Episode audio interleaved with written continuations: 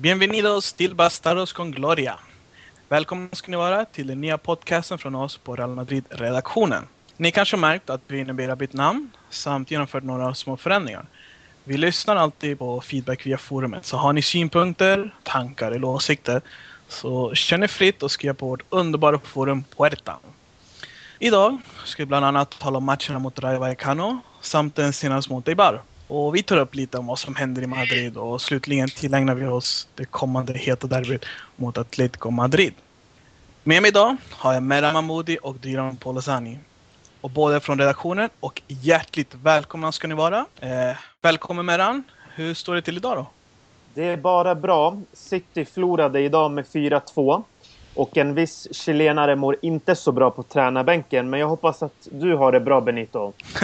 jag befinner mig nog i en lite bättre sits än Pellegrin är i. Och vi hoppas att det blir så framöver. och så går vi över till Dillon. Hur mår du idag? Jag mår jättefint och ser fram emot en trevlig podcast. Självklart ska vi se till att det blir så. Och grabbar, vi har ju denna vecka spelat två matcher. Och den ena var mot Rayo och mot Eibar. Och inte oväntat så tog vi hem sex poäng från de här två lagen. Eh, och för att fråga Rayo, Meran, vad är din spontana åsikt eh, angående Rayo-matchen? Första halvleken eh, så var det alldeles för många passningar som slogs fel. Eh, det var lite tidig semester för grabbarna. Eh, kan vara att Matue har bjudit på en cigarett eller två. Eh, men i andra halvlek så var det ett helt annat Real Madrid som kom ut. Och eh, det ska man vara stolt över. Eh, grabbarna gjorde det de skulle i andra halvlek. Ja, absolut i andra halvlek. Och det känns som att de var riktigt pressade och stressade i första halvleken. Och det är precis som spel som Rayo siktar på att spela. Eller vad säger du Drilon? Så som det ser ut för mig handlar det mer om en slags underskattning. Real Madrid såg inte så pressade ut lika mycket som de såg lite lata ut nästan. Eh, folk eh, tog inte löpningar, saknade skärpa i passningarna och eh, tillät, tillät sig själv pressas av Rayo som höll en hög backlinje och egentligen bjöd in Real att använda den ytan bakom för att skapa farligheter. Men det hände ingenting. Men det är väl en kombination av att man har underskattat Rayo och att Rayo även har ett ganska offensivt spel så att de kanske tog oss på sängen så att säga. Kan det ha varit en kombination av de två som gjorde att vi ja, såg ut att vara väldigt dåliga i den matchen? Kanske lite, men å andra sidan måste man förvänta sig att eh, laget och tränarstaben vet om vilket spel Rayo för. Och det är ganska känt att Rayo är ett bollförande lag. Jag, jag tror efter Real Madrid och Barca så har de i snitt högst bollinnehav eh, per match under hela säsongen. Så dels underskattning, dels eh, överraskelse och kanske lite grann trötthet. Mental eller fysisk, jag vet inte. Men det blev bättre i andra halvlek. Och syftar det på att Ancelotti har slagit med rotationerna, kanske? Det kan ju vara det, om vi snackar om det fysiska, men också den allmänna pressen att eh, nå framgång. Inte bara i denna matchen, utan generellt sett i denna slutspurten här. Mm. Och Meran, mm. Eh, Ramadit i ett läge där man då vid den här matchen låg, äh, ligger efter med fyra poäng mot Barcelona. Äh, ska vi se ett Real Madrid så här i det här läget att de underskattar lag? Att de inte gör sitt jobb? Ska vi se dem verkligen bli utspelade när vi väl jagar efter att knappa in på Barcelona? Nej, men det tycker jag inte. Utan Ancelotti har som uppgift att Eh, ta reda på vad motståndarna gör, hur de spelar. Eh, helt enkelt förberedelse. Och då har jag också även lyft fram tidigare att är man inte förberedd inför sina matcher, ja, då kommer det inte att gå bra. Har man ingen tydlig plan, då kommer det inte att gå bra. Så det är viktigt eh, att eh, man läser av sina motståndare, absolut. Mm, precis. Jag tror, kan vi alla tre vara överens om att Iker var matchens spelare? Eller har ni något att säga emot där? Nej, jag tycker att Iker definitivt räddade oss. Eh, han gjorde flera bra ingripningar och eh, det är många som kritiserar honom. Eh, men eh, vi ska också berömma honom när han väl gör en bra match. Eh, sen tycker jag också att Chamez var jättebra. Han lyfte upp sig i andra halvlek otroligt. Ja, och efter att direkt ha kommit tillbaka från en skada så gör han det absolut, alltså han gör det riktigt bra. Eh, Är det något speciellt du vill säga om Chamez Drilon? Det, ja, det var just det Meran belyste också att eh, från att ha gått från en ganska dålig första halvlek, som hela laget egentligen eh, gjorde, är det han som kanske höjer sig mest i andra halvlek och bidrar med eh, snygga kroppsrörelser, vassa passningar och till slut målet som eh, satte eh, spiken i kistan. Mm. Men tror du vi ändå hade tagit med oss tre poäng eh, om Rai hade fått in en boll i första halvlek? Mycket svårt att säga och eh, som det brukar vara med sådana här lag som Rayo eller som Sevilla exempelvis så blir de alltid starkare inför sin egna publik och om de har medvind så är det otroligt svårt att stoppa dem. Så det är självklart svårt att svara på men det har blivit mycket svårare och det har sett Mm. mörkt ut. Precis. Ja, då går vi vidare till ballmatchen om inte du har något att tillägga Meran. Nej, jag har ingenting att tillägga utan det är precis som eh, Drillon säger. Det, är- det är svårt. Om, hade de gjort 1-0 eh, så hade det varit svårt men man vet ju aldrig. Ja. Mm, precis, men eh, vi tog med oss tre poäng och det är det, det, är det viktigaste. Det är alla överens om hoppas jag. Precis. Yes sir. Och om vi nu, vi tar i barnmatchen. Var det en, en dag på jobbet för Madrid, eller det var en dag på jobbet för Madrid. Eh, är det något som man kunde gjort annorlunda i den här matchen? Ändå med tanke på att vi hade ganska så många ja, bänkspelare på planen kan jag inte direkt säga, men vi roterade mycket den matchen. Vad tycker du Dylan? Jag håller med. Och eh, det finns väl inte mycket annat som man hade kunnat göra annorlunda. Om man är kräsen så kan man ju kräva eh, fler mål med tanke på den enorma dominans Real Madrid eh, visar upp. Men att kräva fler mål i ett eh, sånt skede där, där vi egentligen bara behöver vinster, det är för mycket. Så nej, jag kan inte säga att eh, vi kunde gjort något eh, bättre. Meran, Mm. Cristiano Ronaldo gjorde ett frisparksmål efter nästan ett år. Mm. Eh, hur kände du när du såg det målet? Ja, men det var riktigt skönt att han till slut fick till det. Eh, Det är väldigt bra för hans självförtroende och vi behöver en Cristiano i stor form om vi ska ta nu några titlar i slutet på den här säsongen. Det absolut. En Cristiano i stor form skulle inget lag tacka nej till eh, direkt. Eh, visste ni att vi har lite mer eller mindre 60 ramträffar den här säsongen? Dylan? Visste du om det? Nej, faktiskt inte. Och det är ju ligaspelet bara. Kan det tyda på någon typ av ineff- ineffektivitet från oss? Vi har ju varit eh, stundtals ineffektiva offensivt, ja. Om, det är ju eh, liksom ett empiriskt faktum, det har vi sett. Sen om man, eh, alltså att koppla det direkt till ramträffarna, där spelar ju också tur in. Eller otur. Men ja, det har funnits matcher där vi verkligen eh, skulle ha utökat ledningen för att säkra matchen, medan vi istället har gått och bitit naglarna ända in i slutsekunderna. Så det har funnits viss ineffektivitet, ja, definitivt. Jag tänker främst eh, eh, det första El Clasico, där vi hade otroligt många kontringslägen men eh, förvaltade ingen av dem. Nu vann vi, nu ledde vi trots allt, men det kunde ju varit mer. Men vi kan också eh, prata om eh, det El Clasico som spelades nyligen, där vi egentligen skulle ha tagit ledningen med en eller två bollar i första halvlek. Mm. Och där var det också en eh, viss ineffektivitet. Och där träffade vi också ramverket en gång. Via Ronaldo. Så viss koppling kanske det finns. Det minns vi. Ja, det minns vi. Men det känns som att det är ganska frustrerande att eh, vi inte kan ta vara på chanserna. För när det verkligen gäller, då, då har vi verkligen missat. Då hade vi varit med ineffektiva mot Barcelona och kanske tagit med oss någon poäng. Då hade det i dagsläget se, sett helt annorlunda ut i ligatabellen. Ja. Ehm, så ja, det är kan- något att tänka på. Jag kan tillägga där som en parentes. Om, om vi kollar exempelvis från Barcelonas perspektiv. Så har ju också de haft sådana matcher. Eh, där de eh, hade kunnat vinna. Jag tänker i första hand på Malaga hemma på Camp Nou. Där hade ju Barca flera ramträffar. Eh, och Ja. riktigt många klara chanser men missade alla. Och sen tog Malaga hem alla tre poäng. Precis, och det är samma sak Man mot kan se det Celta från Vigo bara perspektiv. Ja, ja. Men när man talar om ineffektivitet, då kan man, det är två herrar man inte kan nämna. Och det är Chicharito och det är Arbeloa. Assist och mål fast de inte får så mycket speltid, även fast det var mot Eibar. Men ser det, det här något till det? Att Chicharito och Arbeloa tar vara på chansen de får från Ancelotti. Borde de få mer speltid? Eh, I Arbeloas fall så tycker jag nej.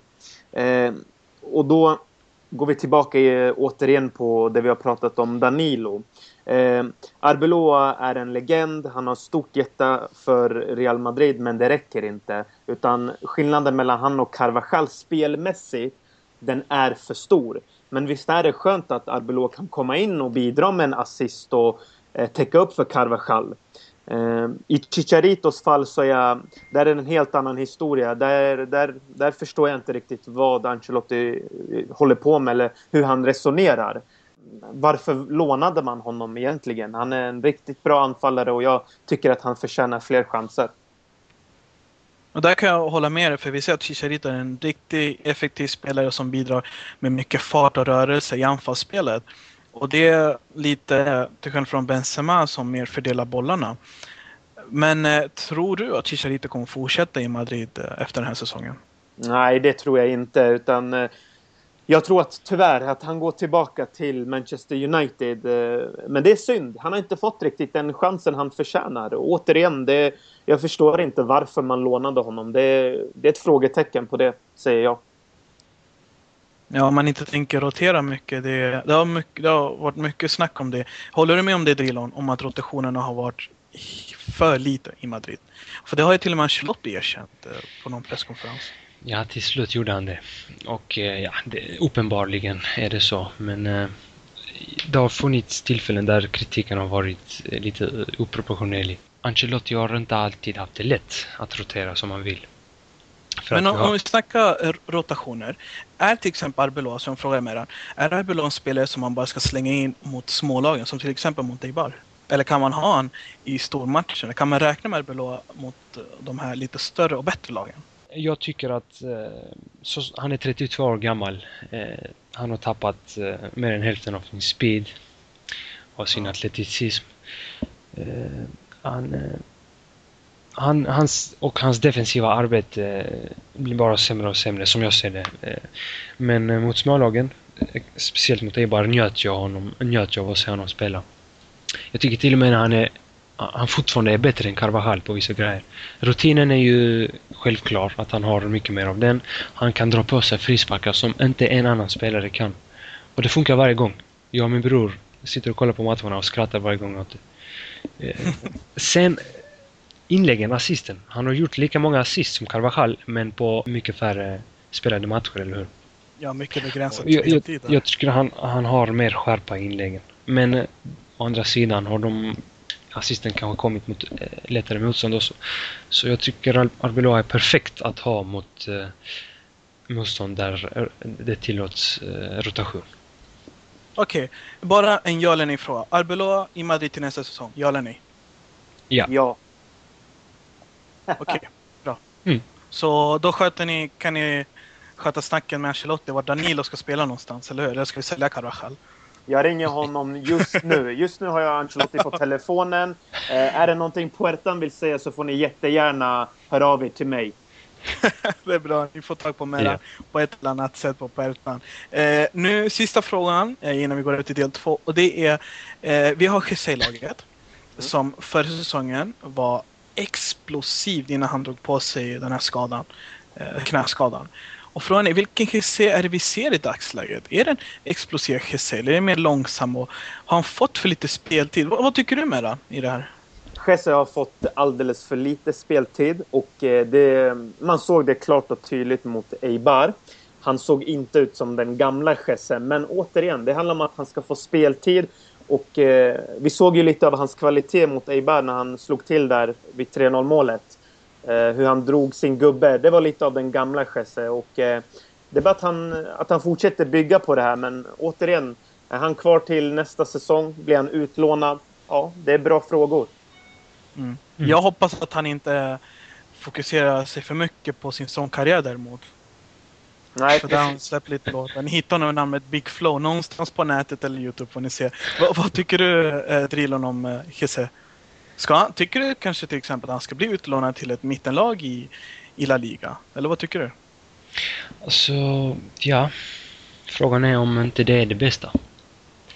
Eh, och så, så som det är i Madrid alltid så är det ju otroligt eh, små odds på att eh, en ny anfallare eller en ny offensiv spelare värvas in till sommaren. Så det kommer eh, troligen bli ännu mer konkurrens för Jesse. Och om han inte får sin speltid, då kommer han aldrig kunna återvända till eh, fjolårets form. Jag hoppas med hjärtat att han stannar, men frågan är inte om det är förnuftigt sett det bästa det att han lånas ut. En ung kille med otrolig potential. Och jag frågar dig, vilken klubb spelar han i nästa säsong, Drilon? Omöjligt att säga. Det har ju inte ryktats så mycket heller, men... även Du har till och med en chansning. Säg en klubb. En otroligt dålig gissning är Napoli. Napoli, Ja. okej.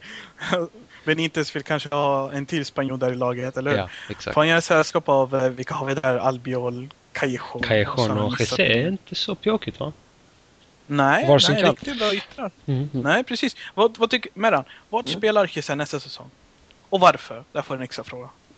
Jag tror att ja, det finns en chans att han kan spela i Liverpool, tror jag. Och varför? Det är på grund av Sterling-ryktet. Eh, om Sterling-ryktet är sant så kan det vara så att Jesse går i motsatt riktning faktiskt. Eh, Inte omöjligt. mm. Inte omöjligt. Och med det, med det Sterling-ryktet så avslutar vi del 1. Och nu ska ni veta att i del 2 så ska vi ta upp lite om följetongen i Madrid. Och det inkluderar bland annat Valencias Gaia och Liverpools Sterling. Där gissar du rätt med, med den riktigt bra. Och vi tar även upp lite annat smått och gott från Madrid.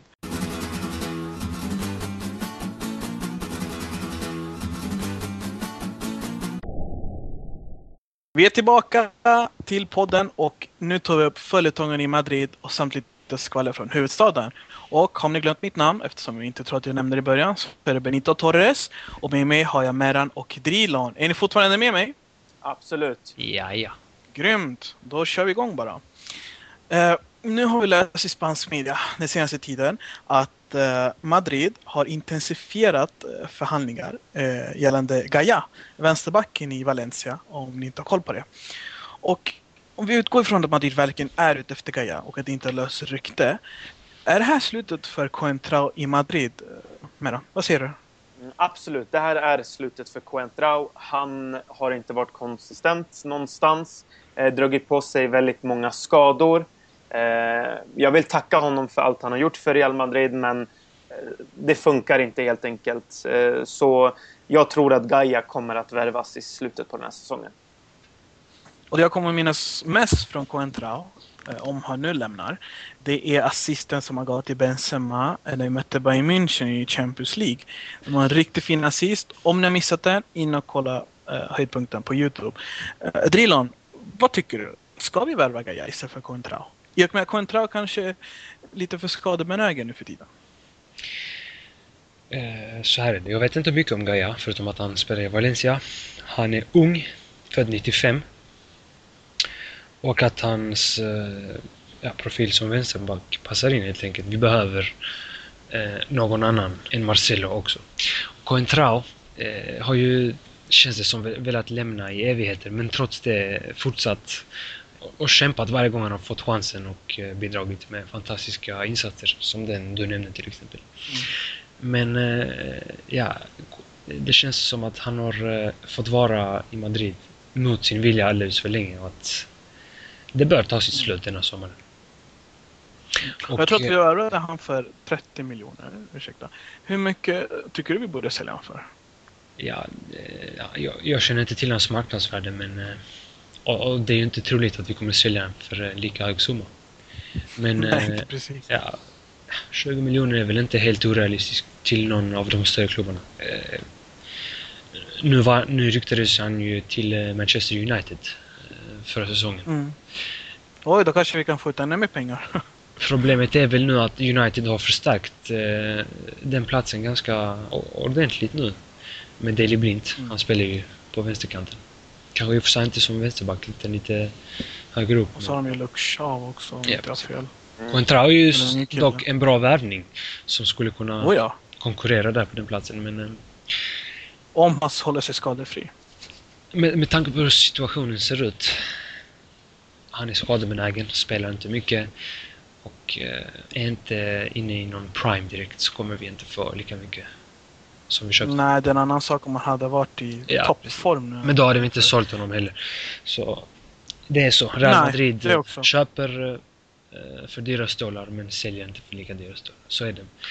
Den rollen har Real Madrid helt enkelt. För det mesta. Jag vet inte om det finns något motexempel ens. Inget jag minns i alla fall. Precis. Men då, vilken, eh, vilken siffra skulle du sätta på, prislapp skulle du sätta på Contra? Ja, men jag skulle väl ändå säga att mellan 20 och 23 miljoner låter rimligt.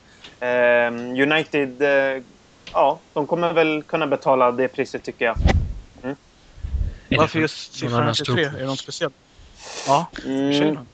För det är väl lite brist på ytterbackar nu för tiden, tycker ni inte? Jo, Men- jag tycker det. Jo, absolut. Eh, hur många är nu här kan vi säga är riktigt grymma både offensivt och defensivt? Förut var det så att ytterbackar inte alls hade den rollen offensivt. Men idag så behövs det en ytterback som kan följa med upp men även täcka bakåt. Eh, absolut, det är inte Så många de är i ganska världen. kompletta, det ska de vara. Precis. Mm.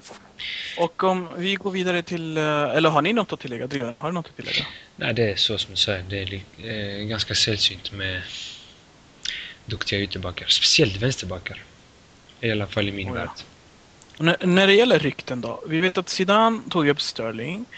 Och Pogba innan det självklart. Men nu är det Sterling. Och hur intresserade är vi av engelsmannen? Vad, vad tror du Drilon? Hur är vi riktigt intresserade av Sterling? Intresset grundar sig främst, eh, enligt mig, i att Jesse kommer lämna eller lånas ut. Om inte Jesse lånas ut så finns det ingen anledning. Han är, han, han är ungefär samma spelartyp som Jesse, gillar att spela på samma position. Det är liksom... Eh, om Jesse blir kvar så tycker jag det är överflödigt.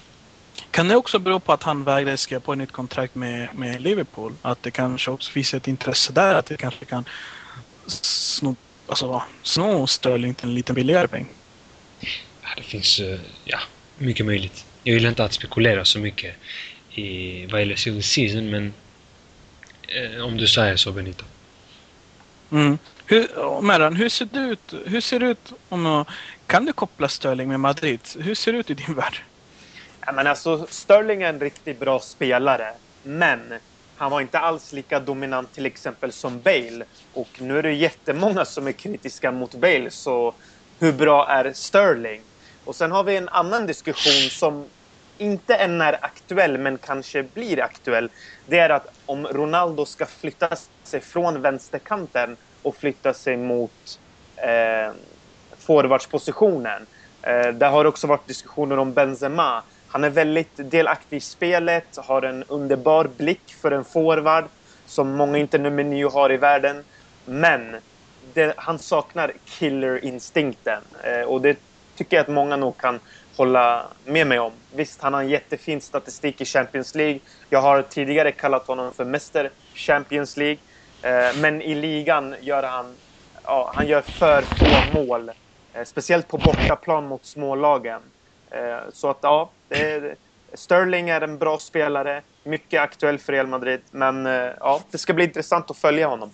N- när, du, när du snackade om Sterling där i början så sa du att eh, eh, han kanske inte är tillämpad för den stora pressen som Real Madrid innebär. Och han har ju dessutom eh, varit ute i media och klagat på det intensiva tempot redan i Liverpool. Han, han eh, sa att han känner sig utbränd. Det var inte så länge sedan. Han är, vad är han, 20, 20 bast eller han, han är kanske lite äldre. Han klagar redan på utbrändhet liksom. Frågan är om han är så anpassad till eh, det klimatet i Madrid eller Spanien generellt sett. Ja, men menar du att det är mer fart i, i Spanien då, i La Liga? Att det är mer tempo där och att han inte kommer hinna mer... Det är ju välkänt att eh, spelare från England har det svårt när de väl kommer till Spanien. Men jag menar det främst den mentala pressen. Eh, som det innebär att spela i Real Madrid. Eh, att eh, man måste prestera hela tiden. Oh ja, det, det är en sak som pressen Precis. exakt på topp. För nu är det så att eh, pressen i Madrid är oerhörd. Och det går program varje dag, flera timmar, radio, tv, bloggar. Om exakt, då analyserar man, eh, till exempel i Madrid, analyserar man allt från topp till tå. Och det är verkligen stor press och gör man inte en bra match, då blir man söndersågad. Mm. Man blir det verkligen. Eh, Håller ni, visst, håller ni med om det? Visst är det så? Ja, det stämmer. Ja, men absolut. Det är bara att titta på eh, AC Marca. De häller gärna bensinen på elden. Eh, de är inte rädda för att eh, dra upp konflikter i laget. Eh, trots att det ska vara en Madrid-baserad tidning som, som, ja, som främjar Real Madrid. Och om ni följer Catalans med, då har vi Sport också som gärna tar upp allt skvaller Mm. som har att göra med Madrid och vill gärna röra om i grytan där. Eh, Speciellt när Madrid har haft en dålig period, då vill de gärna, som du ser, hälla mer bensin på elden nu va? ja. Men ja, vi kan ju ta det ett steg längre in och eh, bara kolla på publiken. Eh, åskådarna på Bernabéu. Så om Iker Casillas, som är klubbens ikon och spelat där hela sitt liv, blir utbuad på Bernabéu. Då finns det inga, inga gränser för, eh, ja, för någon som spelar egentligen. Det kvittar vem du är. Nej. Att ingen är privilegierad längre i Madrid. Att det fin- Och det har ju snackats mycket om det här. Det är ju lite Internationellt. Nej precis, men vad tycker du om det som Drillo nämner nu? Att det, det är, man bör ut ikoner som Casillas. Ja, jag På hemmaplan. Jag tror att alla som eh, vet vem jag är på forumet och eh, ni som känner mig vet att jag är starkt emot eh, det beteendet. Eh, vi pratar om en ikon, en legend. Vad hade, vad hade hänt om Iker Casillas hade gjort samma misstag som Gerard gjorde mot Chelsea? Visst blev Gerard hånad, men aldrig på ett sådant sätt att hans egna fans vände sig emot honom. Det gjorde de inte. Han kommer förbli en legend, Gerard. Det kommer Casillas också bli, men att bua ut honom, det hjälper ingen. Jag är ganska säker på att hade Ike gjort ett sånt misstag eh, då hade inte han kunnat stanna i Madrid. Då Nej. hade det varit för mycket. Och jag älskar Ike efter allt han gjort för klubben men jag vet definitivt han hade inte haft någon framtid i klubben. Nej, vi hade, det hade blivit eh, CIA-agenter i Spanien som hade blivit i, på ett hemlighetsfullt... det hade varit en förföljelse efter Ja, ja, absolut. Ja. Nej, det beteendet. Men det är ganska höga krav som du sa redan i Spanien. Precis. Och eh, ibland med all rätt. Det är världens bästa klubb. De ska ha höga krav. Men man ska tänka på att spelarna är väl mänskliga. Det är det många glömmer allt som oftast. Eh, att, att liksom det är inte kul att komma till träningsanläggningen och få sin bil eh, slagen av aggressiva fans och höra glåpord. Det har inte varit kul. Och jag tror inte Sterling till exempel hade, som man säger, pallat för trycket. Nej, men det är som Drillon sa. Jag vill gå lite tillbaka på det där. För det är intressant det Drillon sa om att som spelare, att de som kommer till Real Madrid måste ha en viss karaktär. Jag håller med. Har man inte rätt karaktär, Ja. då håller man inte i Real Madrid. Det, det, tyvärr är det så. Eh, det är på både gott och ont. För att spelare flyger höger och vänster. Schneider, Robben, van der Vaart. Eh, Det finns många exempel. Eh, Så att, eh, som Drillon säger, man måste verkligen ha karaktären för att spela i Real Madrid. Och det är det jag älskar lite med Ronaldo, att han har den här starka attityden, lite arrogans, men han, det är väl det som har, har hållit han på tårna, åtminstone i Madrid så länge. Eh, tycker jag åtminstone, jag vet inte vad ni tycker om, om det här. Ja, det är delvis det, men mycket hans prestationer också. Hans målgörande Oh, ja. främst. Man kan ju ha en kaxig eh, attityd eh, alla, alla Quaresma till exempel, men inte göra ett Mm. smack. Då kommer du det bli, att prestera också. du kommer bli utkastad. Precis. Och det är en otroligt eh, svår konst att bemästra. Mm. Och nu om vi, om vi vänder lite på henne, för och vi går vidare. För vi vet att um, det har snackats så mycket om en ersättare eh, till Chicharito som eventuellt försvinner. Och då har vi hört i media att Icardi från Inter ryktas till Madrid för 30 miljoner euro. Och jag vet att du har något att säga om det Mera.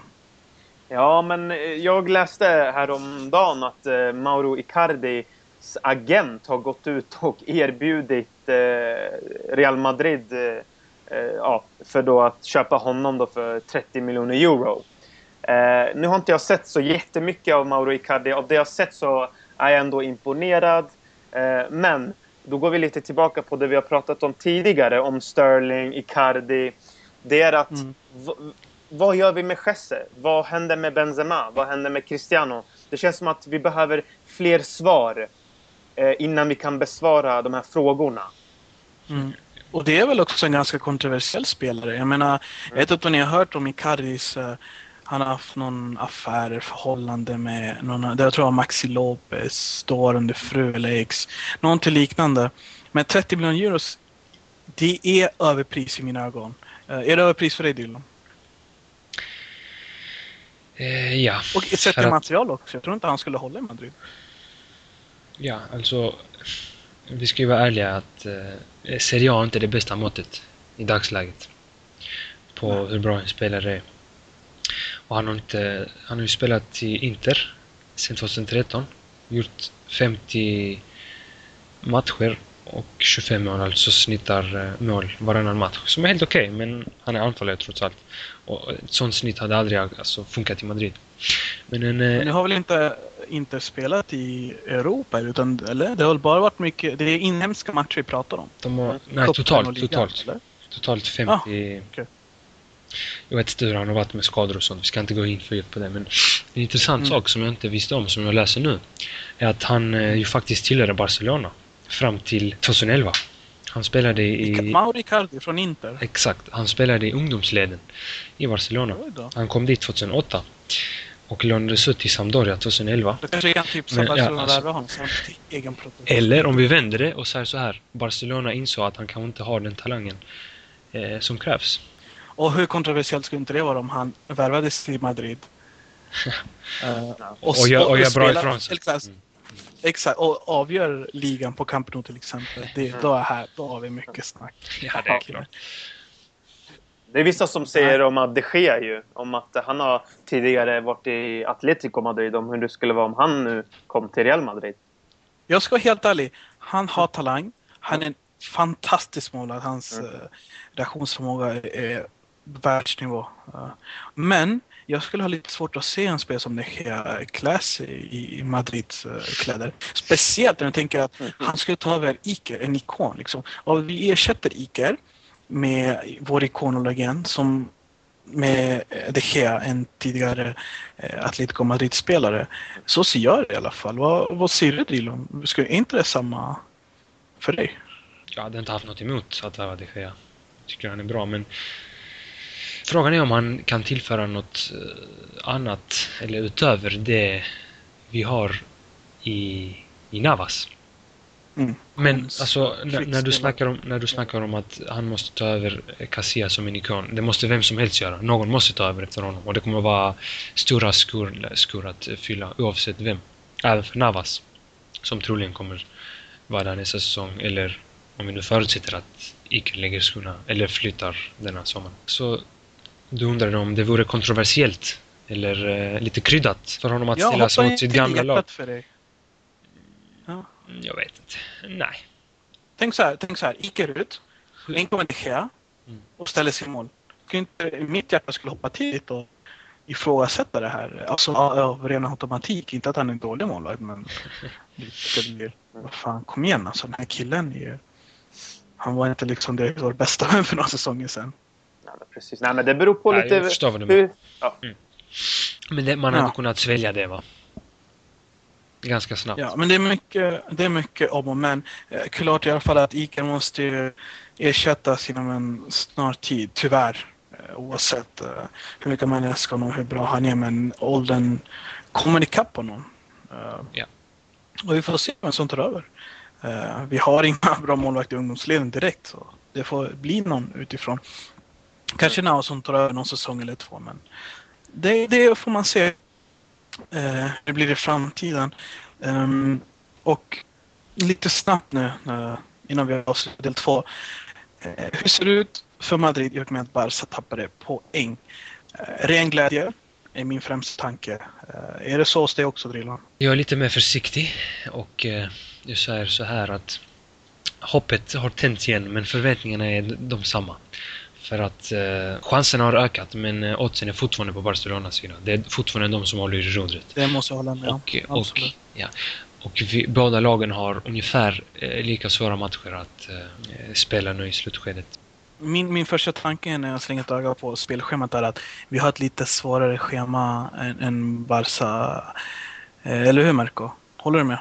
No, det beror på hur man ser det. Barcelona har ju som sagt då Valencia hemma.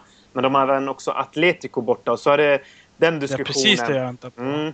Ja, men att... eh, Är det så att... Eh, kommer Atletico vila i den matchen? Om de inte har något att spela för, kommer de lägga sig?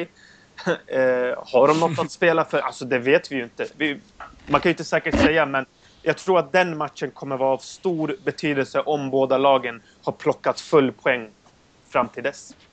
Jag är ganska pessimistisk och säger att eh, Atletico kommer inte att ta någon poäng i den matchen. För antingen kommer de att lägga sig eller så kommer de bli utmanövrerade av självaste Luis Enrique. Mm. Eh, senast i cupen tror jag var då. Det var då uh, Barca vann över Atletico. Man chockade dem med, med kontringar tror jag var. Så jag är ganska pessimistisk eh, inför den matchen. Jag tror att jag har anledning för det. Uh, Drillon, ser du emot? Nej, jag har eh, den pessimismen, eller den reservationen, jag har haft rätt länge nu så jag skulle inte förvåna mig. Vi har trots allt, som jag sa, inte oddsen på vår sida. Precis. Och eh, ja, då tar vi den sista gyllene frågan för den här delen. Och det blir, vi börjar med dig Drillon. Vinner vi ligan den här säsongen? Nej. Där måste jag tyvärr hålla med dig. Merran? Hjärtat säger ja. Ehm, förnuftet säger mm, ja. Det är någonting i mitten där. Men, eh, så, så Jag nog optimistisk som Nej, säsongen 08-09. precis, nej, men jag går emot er båda. Eh, Real Madrid vinner ligan. Mm. Och jag Alltså- hoppas verkligen du har rätt i det här. Det Ja. gör jag. Ja, men ni båda har fel så... Ja, Du får en stor kram. Du får en stor kram om du har rätt med Ja, det. får ja du absolut. Ja, men den, den tar jag emot faktiskt. Definitivt. Mm. Okej då. Tack så mycket för det här. Och eh, sen kommer vi gå till del tre. Och vi kommer att ta upp det som alla egentligen har väntat för i den här podden kanske ska man säga. Och det är matchen mot Atleti och allt surr kring den matchen som har oss alla på tårna.